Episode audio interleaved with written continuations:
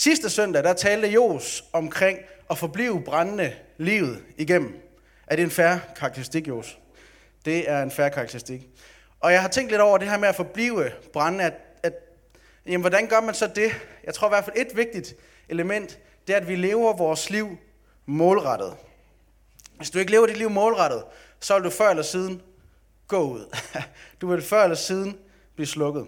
Og det her det er ikke sådan en, en selvhjælpsprædiken eller en coaching session, I er trådt ind til, når jeg kalder min prædiken for det målrettede liv. Jeg tror faktisk, at det er bibelsk, at vi skal leve målrettet. Jeg tror også, at Bibelen giver os nogle konkrete værktøjer til at leve målrettet. Så det handler altså om at leve målrettet for Jesus. Og i dag skal jeg tale ud fra titlen Det målrettede liv. Der blev skrevet en meget, meget berømt bog for år tilbage, der hed Det målrettede liv. En, der hedder Rick Warren, så har en kæmpe stor kirke i USA. Men nu har han haft patent på den titel i jeg ved ikke hvor mange år. Og titlen er simpelthen så god, at nu tager jeg den. Så det, der, der, der er vi iskolde. Så. så jeg skal tale ud fra titlen Det målrettede liv. Og jeg ved ikke, hvordan det, det, det klinger eller skuer for dig, når jeg taler om det her med det målrettede. Jeg synes selv, at det kan være yderst udfordrende. Jeg, jeg, jeg kan godt nogle gange møde mennesker, som, som tænker, at Tobias han er, jamen, han er disciplineret, eller han har styr på det, eller han er fokuseret, eller sådan noget. Men altså, sølle mig, jeg kan også godt opleve at have uproduktive dage, og nu skriver jeg speciale, og jeg ved ikke, om nogen af jer har skrevet speciale før, men jeg kan godt have dage, hvor jeg ser, ser tilbage og tænker, hvad var det egentlig, jeg fik udrettet i dag? Eller måske haft nogle dage på nogle kontoret, jeg er også præst, ikke? også, hvor man så sidder til alle mulige møder, og man tænker, Nå, hvad, hvad, hvad var det egentlig, vi besluttede? Hvad er det egentlig, jeg fik med fra i dag? Fik vi ikke bare, fik bare hygget os og spist rundstykker, og der er nogle præster herovre, der griner. hvad var det egentlig, jeg fik lavet i dag? Det kan også være det meget, meget voldsommere for dig, at det ikke bare er en enkelt dag, men du måske kigger tilbage på en uge og tænker, hvad fik jeg egentlig udrettet den her uge? Jeg fik jo ikke noget, noget som helst. Hvad har jeg brugt min tid på? Måske kan du også se tilbage på år i dit liv, hvor du tænker, hvad, hvad lavede jeg? Sumpede jeg dem bare væk? Du kan ikke engang huske, hvad du har lavet i de her år. Fik jeg noget noget? Fik jeg udrettet det, som jeg egentlig gerne ville, eller fik jeg brugt uanede mængder af tid på alt muligt andet? Måske på at bekymre mig, eller på at blive i dårlige mønstre, blive i dårlige relationer, overspringshandlinger, fester, Netflix, Facebook, ingenting. Hvad, hvad ved jeg? Det kan være forskelligt fra person til person hvad det er, vi nogle gange spilder vores tid med, eller bruger vores tid på. Og så jeg tror, at vi alle sammen kender den her følelse af sådan næsten en frustration over, hvad, hvad var det egentlig, jeg fik udrettet. Jeg ved ikke, hvordan du har det. Jeg kan se i salen, at der er en del, der er ældre end mig. Og jeg begynder allerede at tænke, at livet er kort. Jeg er snart jeg er 28, og jeg tænker, at jeg er snart 30. Uh, der, jeg, jeg har ikke ret meget tid til at nå det, jeg gerne vil i livet. Og det kan så sige noget om, at livet er kort, eller jeg har alt for mange mål og ambitioner. Så det, det kan godt være. Men jeg kan godt føle, have den der frustration over, åh, der er så meget, jeg gerne vil, og der er så lidt tid. Hvad gør jeg? Og jeg tror ikke, at der er nogen af os, der ønsker at leve vores liv sådan fuldstændig tilfældigt. Jeg ønsker i hvert fald ikke at leve mit liv tilfældigt, hvor det er alle mulige omstændigheder, der får lov til sådan at, at kaste mig rundt i manation. Kender du det? Den der følelse af, at man næsten nogle gange er en tilskuer i sit eget liv, hvor man bare bliver trukket rundt som sådan en cirkushest, der har et eller andet i næsen. Det kan være, du kender den følelse. Jeg kender godt den følelse. Nogle gange.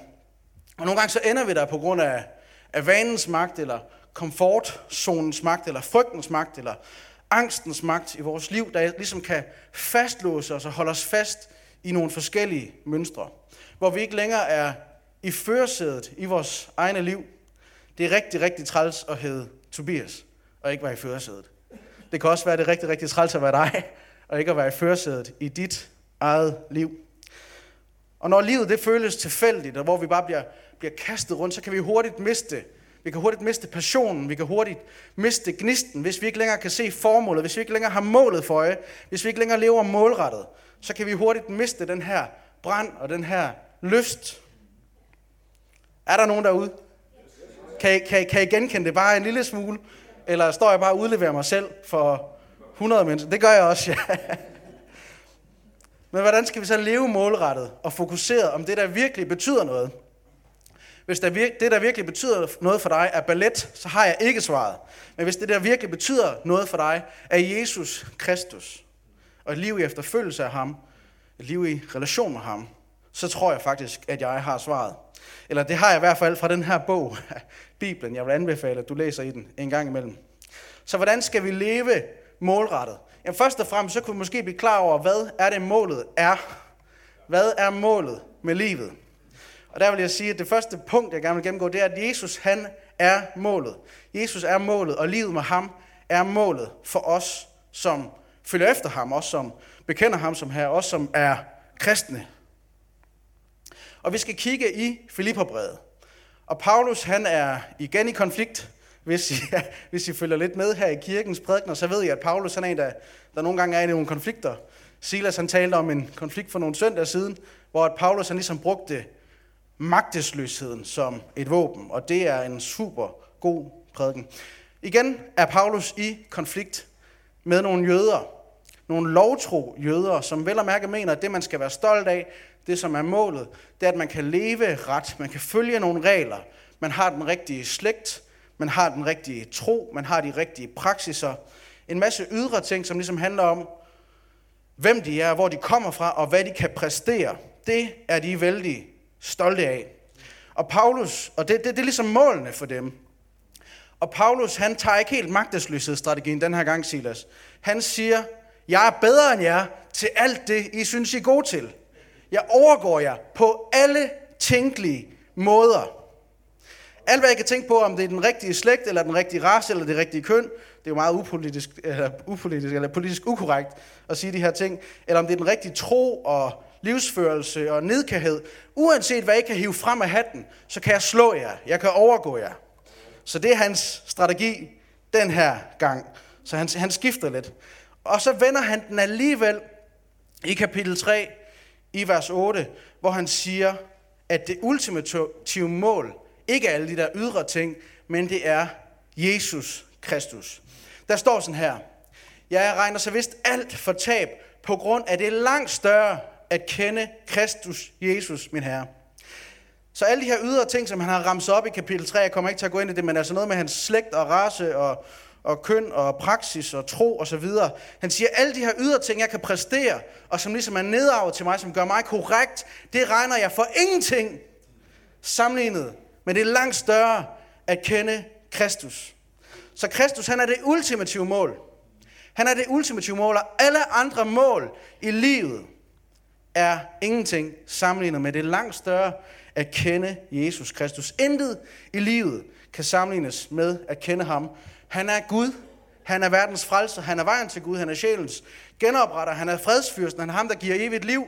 Intet kan måles med det langt større at kende Jesus Kristus. Og det kan godt være, at du synes, der er store og dejlige og vigtige ting i livet, om det er familie, eller rigdom, eller nydelse, eller sex, eller oplevelse, eller venner. Intet er det at sammenligne med at kende Jesus. Så han er det ultimative mål, og det er kun når vi lever med ham, at vi virkelig lever. Betyder det så, at du ikke må have nogle delmål i livet, eller alt andet er noget skidt? Nej, det betyder det ikke. Du må gerne have planer om at få et rigtig godt job i Esbjerg, eller om at renovere, eller om at renovere et helt hus på to uger. Altså, det er godt at have nogle gode delmål. og det er der ikke noget galt med. Men det må aldrig blive absolutter for os. Det må aldrig blive ultimative mål for os. Du må godt have ambitioner, du må godt have drømme, men det må aldrig nogensinde være det, der tager dit ultimative fokus. Den eneste, der kan bære dit og være dit absolute mål, den eneste, der kan leve op til det, den eneste, som er det værdigt, det er Jesus Kristus. Så første pointe, Jesus, han er målet. Og hvis du ikke er enig med det, så kan du komme til mig bagefter, så kan vi diskutere det i rigtig lang tid. Andet pointe. Accepter, at du ikke er i mål endnu. Og det er, kender du dem der, hvor man siger, jamen det er ikke, det er ikke målet, der er det vigtige, det er rejsen. Det er det at komme derhen, der er det vigtige. Sådan har jeg det overhovedet ikke. Jeg synes, rejsen er forfærdelig. Jeg vil gerne have resultater, og jeg vil gerne have dem i går. Og det skal gå hurtigt. Du kan spørge min kone, hvordan det er. at leve med det nogle gange. At man bare gerne vil have resultater, man vil gerne være i mål. Men vi er ikke i mål i det her liv. Og der står sådan her, nu går vi fra kapitel 3, fra vers 8, nu går vi ned til vers 12 til 13. Der skriver Paulus sådan her. Ikke at jeg allerede har grebet det, eller allerede er blevet fuldkommen, men jeg jager efter det. Om jeg virkelig kunne gribe det, fordi jeg selv er grebet af Kristus Jesus. Brødre og søstre, kunne vi måske tilføje, jeg mener ikke om mig selv, at jeg allerede har grebet det.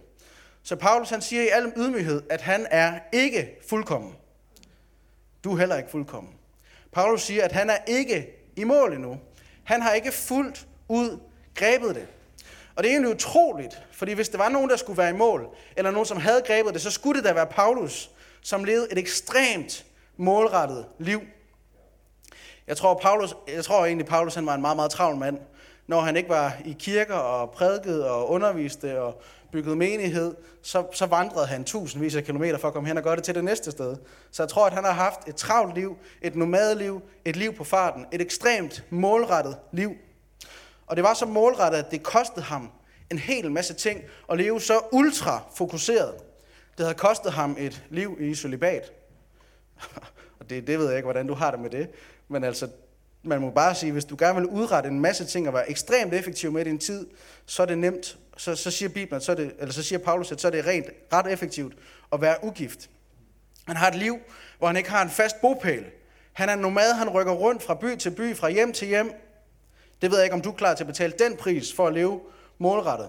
Han lever et liv, hvor han oplever fattigdom og sult og kulde, skibsbrud, fængsel, retssager, morforsøg, konflikter og meget mere. Alt det her for at leve ultra fokuseret omkring det mål, som er Jesus Kristus, og udbrede hans rige her på jorden. Så han har simpelthen lidt afsavn, og han har skåret ting væk i sit liv i en grad, som jeg tror, at ingen af os er villige til, for at være ultra fokuseret og målrettet.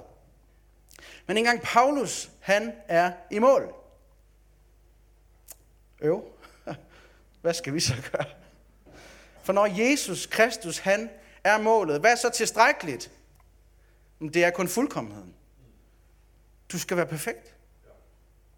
Hvis Jesus er målet, så er det så er det, det eneste, der er nok. Det er at være perfekt, det er at være fuldkommen. Og Paulus er ikke fuldkommen, og han, han indrømmer, at han, at han ikke er fuldkommen. Og der er sådan en underlig udvikling i Paulus, hvor det er som om, jo tættere han kommer på målet, og han må jo komme tættere på målet, fordi han vokser jo hele tiden, han udretter hele tiden flere ting, men jo tættere han kommer på målet, jo, jo længere væk synes det at være. Han har sådan en sjov udvikling i, i hans brev, hvor han i starten skriver, at han er i hvert fald apostel. Han er i hvert fald en, en leder i Guds kirke på jorden. Han er i hvert fald en, en søjle, en folk kan se hen til, og han er i hvert fald ikke ringere end de andre. Og så kommer Paulus tættere på målet. Han bliver mere hellig, han bliver mere fuldkommen. Og hvad siger han så? Jeg er i hvert fald den ringeste af de hellige.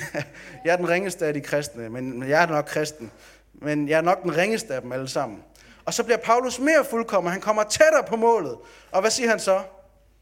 Ved mig, jeg er den største synder af alle.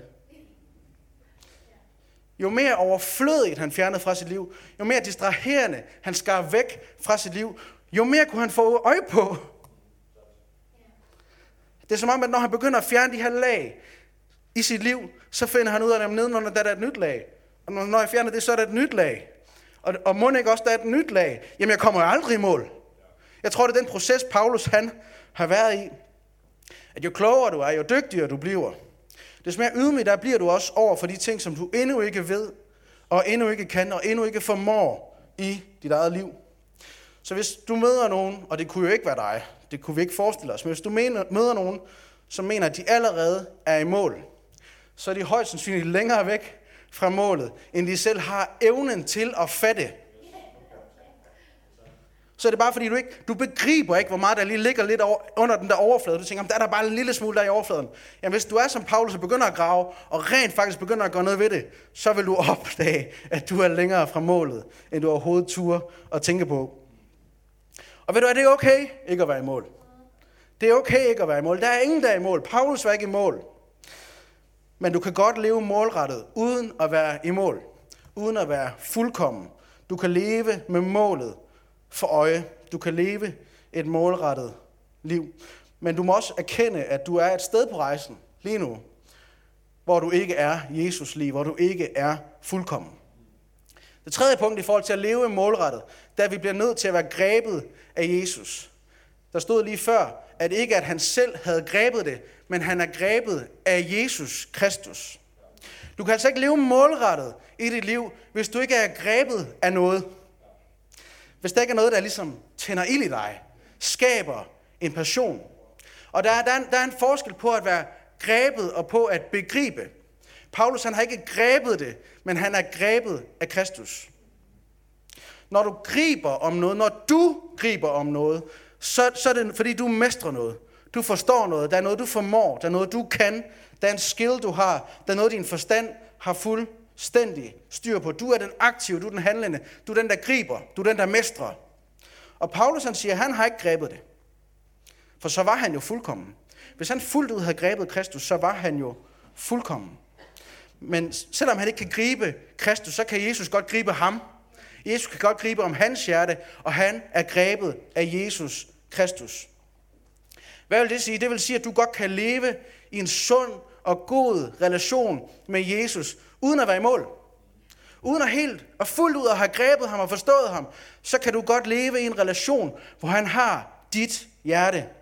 Hvor han mestrer dit hjerte. Du mestrer ikke ham, men han kan godt mestre dit hjerte. Han kan godt være din herre og mester, selvom du ikke har helt styr på ham, og ikke er helt i mål, og fuldt ud ligner ham.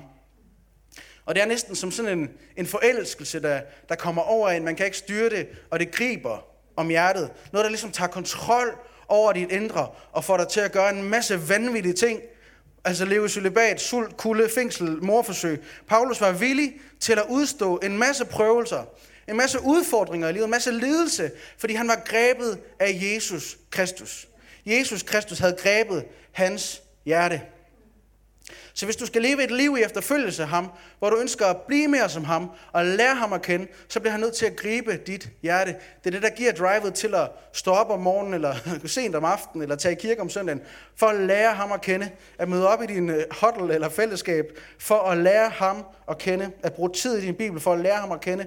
Det kommer kun, hvis der er et greb om dit hjerte fra Jesus Kristus. For du kan ikke bare mestre ham med din forstand, eller med dine egne evner, eller, eller præstere dig til en god relation med ham, så kunne du jo fuldt ud begribe ham. Men det siger Paulus, at det kan man ikke. Og så vil jeg også sige, hvis han har grebet dit hjerte, så tror jeg slet ikke, du kan gøre andet. Så tror jeg ikke, du kan gøre andet. Hvis han virkelig har fat i dit hjerte, så kan du slet ikke lade være med at følge efter ham. Med at ønske at lære ham bedre, med at bruge tid med ham. Det kommer af at være grebet af ham. Så det her med at leve målrettet, det er ikke coaching. Det er ikke en række principper, som ligesom skal lære os at leve ret. Det handler også om, at Jesus han griber vores hjerte. Og det kommer indefra. Ikke bare, at vi disciplinerer os selv udefra. Det kan også godt nogle gange være nødvendigt. Men det handler først og fremmest om, at han har grebet vores hjerter. Så kan vi leve målrettet for ham. Hvis vi skal leve målrettet, så giver det også sig selv, at vi skal holde fast og holde fokus. Det er punkt 4. Vi læser fra vers 13 til 16. Men dette ene gør jeg. Jeg glemmer, hvad der ligger bagud, og strækker mig frem mod det, der ligger forud. Jeg jager mod målet. Efter sejrsprisen, som Gud fra himlen kalder os til i Kristus Jesus. Således skal vi tænke, vi der er fuldkommende. Og tænker I anderledes på noget punkt, så vil Gud åbenbare også det for jer. Blot skal vi blive i det spor, vi er kommet ind på. Så for at leve målrettet, jamen så skal vi have Jesus for øje. Vi skal have målet for øje. Og hvordan har vi målet for øje? Han siger faktisk, at vi er aktivt. Det at have målet for øje, det at leve efter følelse af ham, det er faktisk noget, vi skal strække os efter. Vi skal anstrenge os. Vi skal jage efter ham. Vi skal, og det må godt være lidt hårdt nogle gange. Men det er faktisk det, Paulus han siger. Han siger ikke bare, at vi skal orientere os efter Jesus. At vi skal se, hvor han er. Eller at vi skal have ham som et, et bagvedliggende princip. Nej, Paulus han siger rimelig aggressivt, at vi skal strække os. At vi skal jage os. Vi skal jagte ham. Vi skal faktisk også, jo, han skal have grebet dit hjerte, og det kommer ud af det, men du skal faktisk også gøre en indsats. Du skal jagte ham. Du skal forfølge ham aggressivt. Du skal strække dig mod målet. Det er ligesom, du kan godt have en drøm om at komme til Afrika. Og have det som mål i dit liv. Jeg vil gerne til Afrika.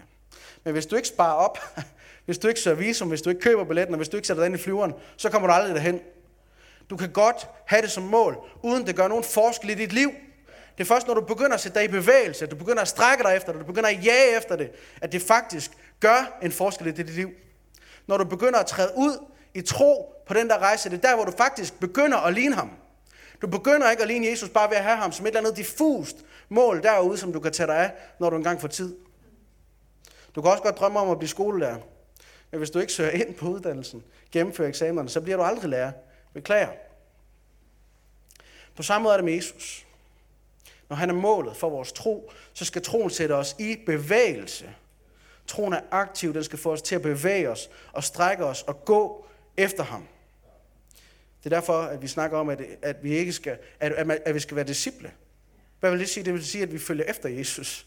At vi aktivt følger efter Jesus. Ikke at vi kan se på Instagram, hvor han er i dag, men at vi faktisk aktivt følger efter ham. Så troen er aktiv, den er levende, den er i bevægelse.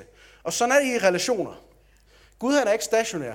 Gud er altid i bevægelse. Og vi skal, hvis vi skal leve Gud nært, så skal vi også være i bevægelse i vores eget liv. Vi skal jagte ham. Hvordan kan du jagte Jesus? Jamen hold kontakten. Hold kontakt med Jesus dagligt.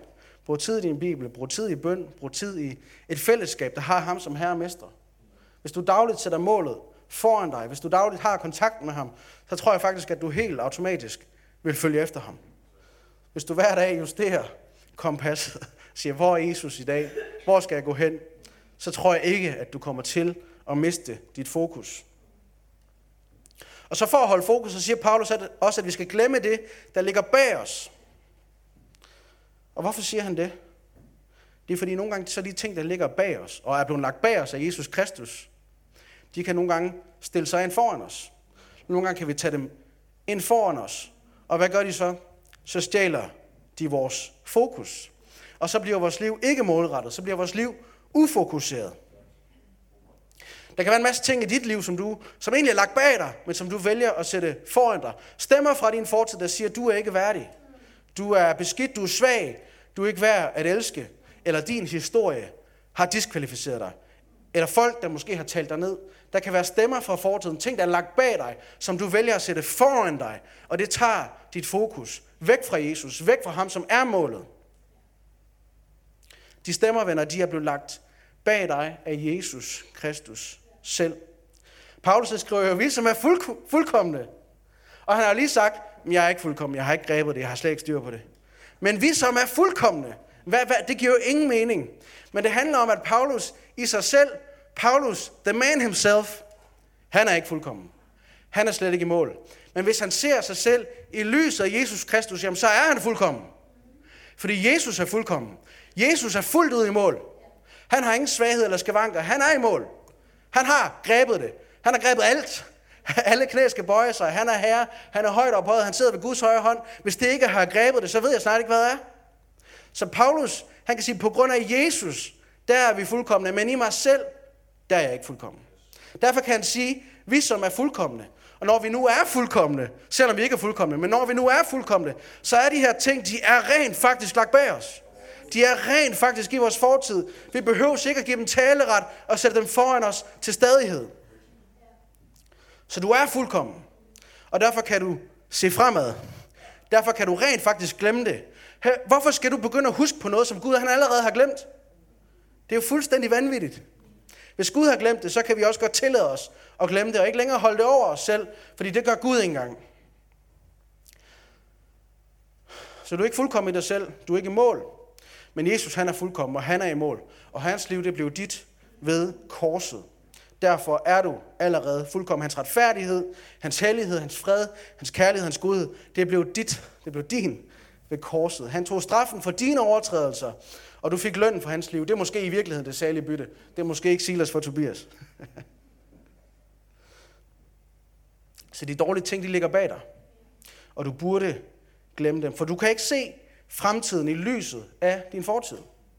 Det kan du bare ikke. Du kan ikke se fremtiden i lyset af din fortid, men du kan se fremtiden i lyset af, hvad Jesus Kristus han har gjort for dig og beredt for dig. Det er faktisk det, du kan se fremtiden i lyset af.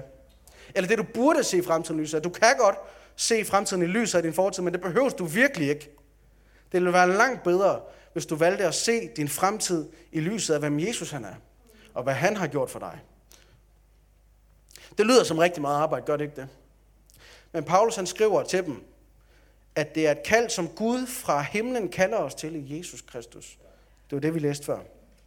At det er et kald fra Gud. Så det er ikke noget, som, som man sådan tager på sig selv, eller pisker sig selv med, men det er faktisk noget, Gud han kalder os til. At han drager os til at leve målrettet og jage ham. Og så er det noget, der skal åbenbares for os. Paulus han siger, jeg beder om, at det må blive åbenbaret for jer. Så det er ikke noget, du sådan kan, kan tvinge dig selv til, men det kunne jo være, at du fik en åbenbaring den her morgen fra Helligånden. Om at der er nogle ting, du skal glemme, der er nogle ting, du skal lægge bag dig, og du skal leve fokuseret med målet for øje. Så Gud skal ligesom virke det i dig. Gud skal ligesom gøre det i dig. Og så skriver Paulus, at vi skal blive i det spor. Vi skal holde fast. Vi skal være udholdende.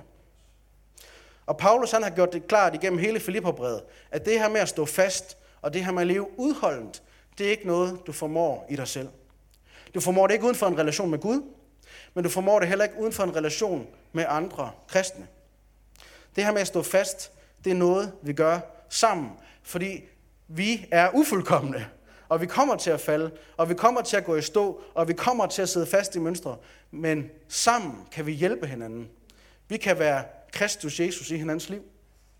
Og det siger jeg med fuld frimodighed. Det er ikke engang sådan noget overmodet noget at sige, vi kan være Kristus Jesus i hinandens liv. Gud han kan faktisk bruge os til at gøre sin vilje. Så vi har brug for fællesskabet, vi har brug for at holde fast, og vi har brug for at være udholdende. For vi skal blive i sporet, så vi skal holde fast, og vi skal holde ud. Og så det sidste, jeg vil sige her, det er det femte punkt, det er, at vi skal lade os inspirere af andre mennesker. På godt og ondt. Vi læser her fra vers 17. Efterlign mig, brødre, og se hen til dem, der lever efter det forbillede, I har i os. For der er mange, jeg har ofte nævnt dem for jer, og nu nævner jeg dem også med gråd, der lever som fjender af Kristi kors. De ender i fortabelse, buen af deres Gud, de sætter en ære i deres skam, de tænker kun på det jordiske, men vort borgerskab er i himlene. Derfor venter vi også Herren Kristus som frelser. Han skal forvandle vort fornedrede læme og give det skikkelse som hans herliggjorte læme, med den kraft, hvormed han kan underlægge sig alt. Derfor, mine kære brødre, som jeg længes efter, min glæde og min sejrskrans, stå således fast i Herren, mine kære. Amen. Så Paulus han siger, I skal efterligne mig. Det er også en meget udansk at sige. Det er ikke særlig jantelovsagtigt at sige. Efterligne mig. Kom til at ligne mig. Og lev efter dem, som også lever efter det samme forbillede, som jeg lever efter. Og hvad er det for et forbillede? Hvad er det for et mål, han har? Det er Kristus Jesus. Så efterfølgelsen, den sker i et fællesskab, hvor vi også lader os inspirere af hinanden, hvor vi rent faktisk lærer af hinanden, hvor vi er ydmyge nok over for vores egne begrænsninger, til at vi godt kan lære af andre. Og så siger Paulus også, at vi skal passe på med, hvem vi lader os inspirere af. Der er en masse mennesker, buen er der skud, og satan er der svarer, hvad ved jeg ikke også, som vi ikke skal lade os inspirere af. Der er mennesker i dit liv, som du ikke skal lade dig inspirere af, som du måske lader dig inspirere af. Men have målet for øje. Hvem kan inspirere dig til at ligne Jesus? Kunne det ikke være et kriterie i forhold til, hvem der får taleret i dit liv? I forhold til, hvem det er, du ser hen til, hvem det er, du ønsker at efterligne. Får de mig til at ligne Jesus mere? Hjælper de mig i den her jagt? Hjælper de mig i den her forfølgelse? Vi forfølger Jesus. Og hvis du holder fokuset, og hvis du lever målrettet, så vil du ikke blive gjort til skamme. Du vil ikke have løbet forgæves. Du vil ikke have jagtet noget for ingenting. Paulus han siger, at vores borgerskab er i himlene. Derfor venter vi også Herren Jesus Kristus som frelser. Han skal forvandle vort fornedrede læme og give det skikkelse som hans herliggjorte læme, den kraft, hvormed han kan underlægge sig alt. Så Jesus han siger, at der er rent faktisk en løn. Der er en løn for det liv, som vi lever på jorden. For den jagt, som vi giver os i kast med.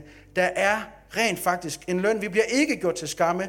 Vi har allerede fået del i det. Vi har allerede fået et borgerskab i himlen. Vi har allerede fået helligånden. Vi er allerede frelst ved Jesus Kristus. Men en dag, så skal vi være med ham. En dag, så, skal vi, så kommer vi faktisk i mål. Det kan godt være, at vi ikke, det ikke er i det her liv, men en dag, så kommer vi faktisk i mål. Og der skal vi være fuldkommende. Der skal vi fuldt ud erkende, hvem Jesus han er, og vi skal fuldt ud begribe, hvem han er. Der kan vi gribe om ham fuldt ud. Nu kan vi kun gribe om stykker og erkendelser i en begrænset mængde, men der kan vi fuldt ud gribe om ham og møde ham og forstå, hvem han er. Så hold ud. Lønnen, den overstiger langt den pris, der er for at leve målrettet, for at leve et liv i efterfølgelse af Jesus Kristus.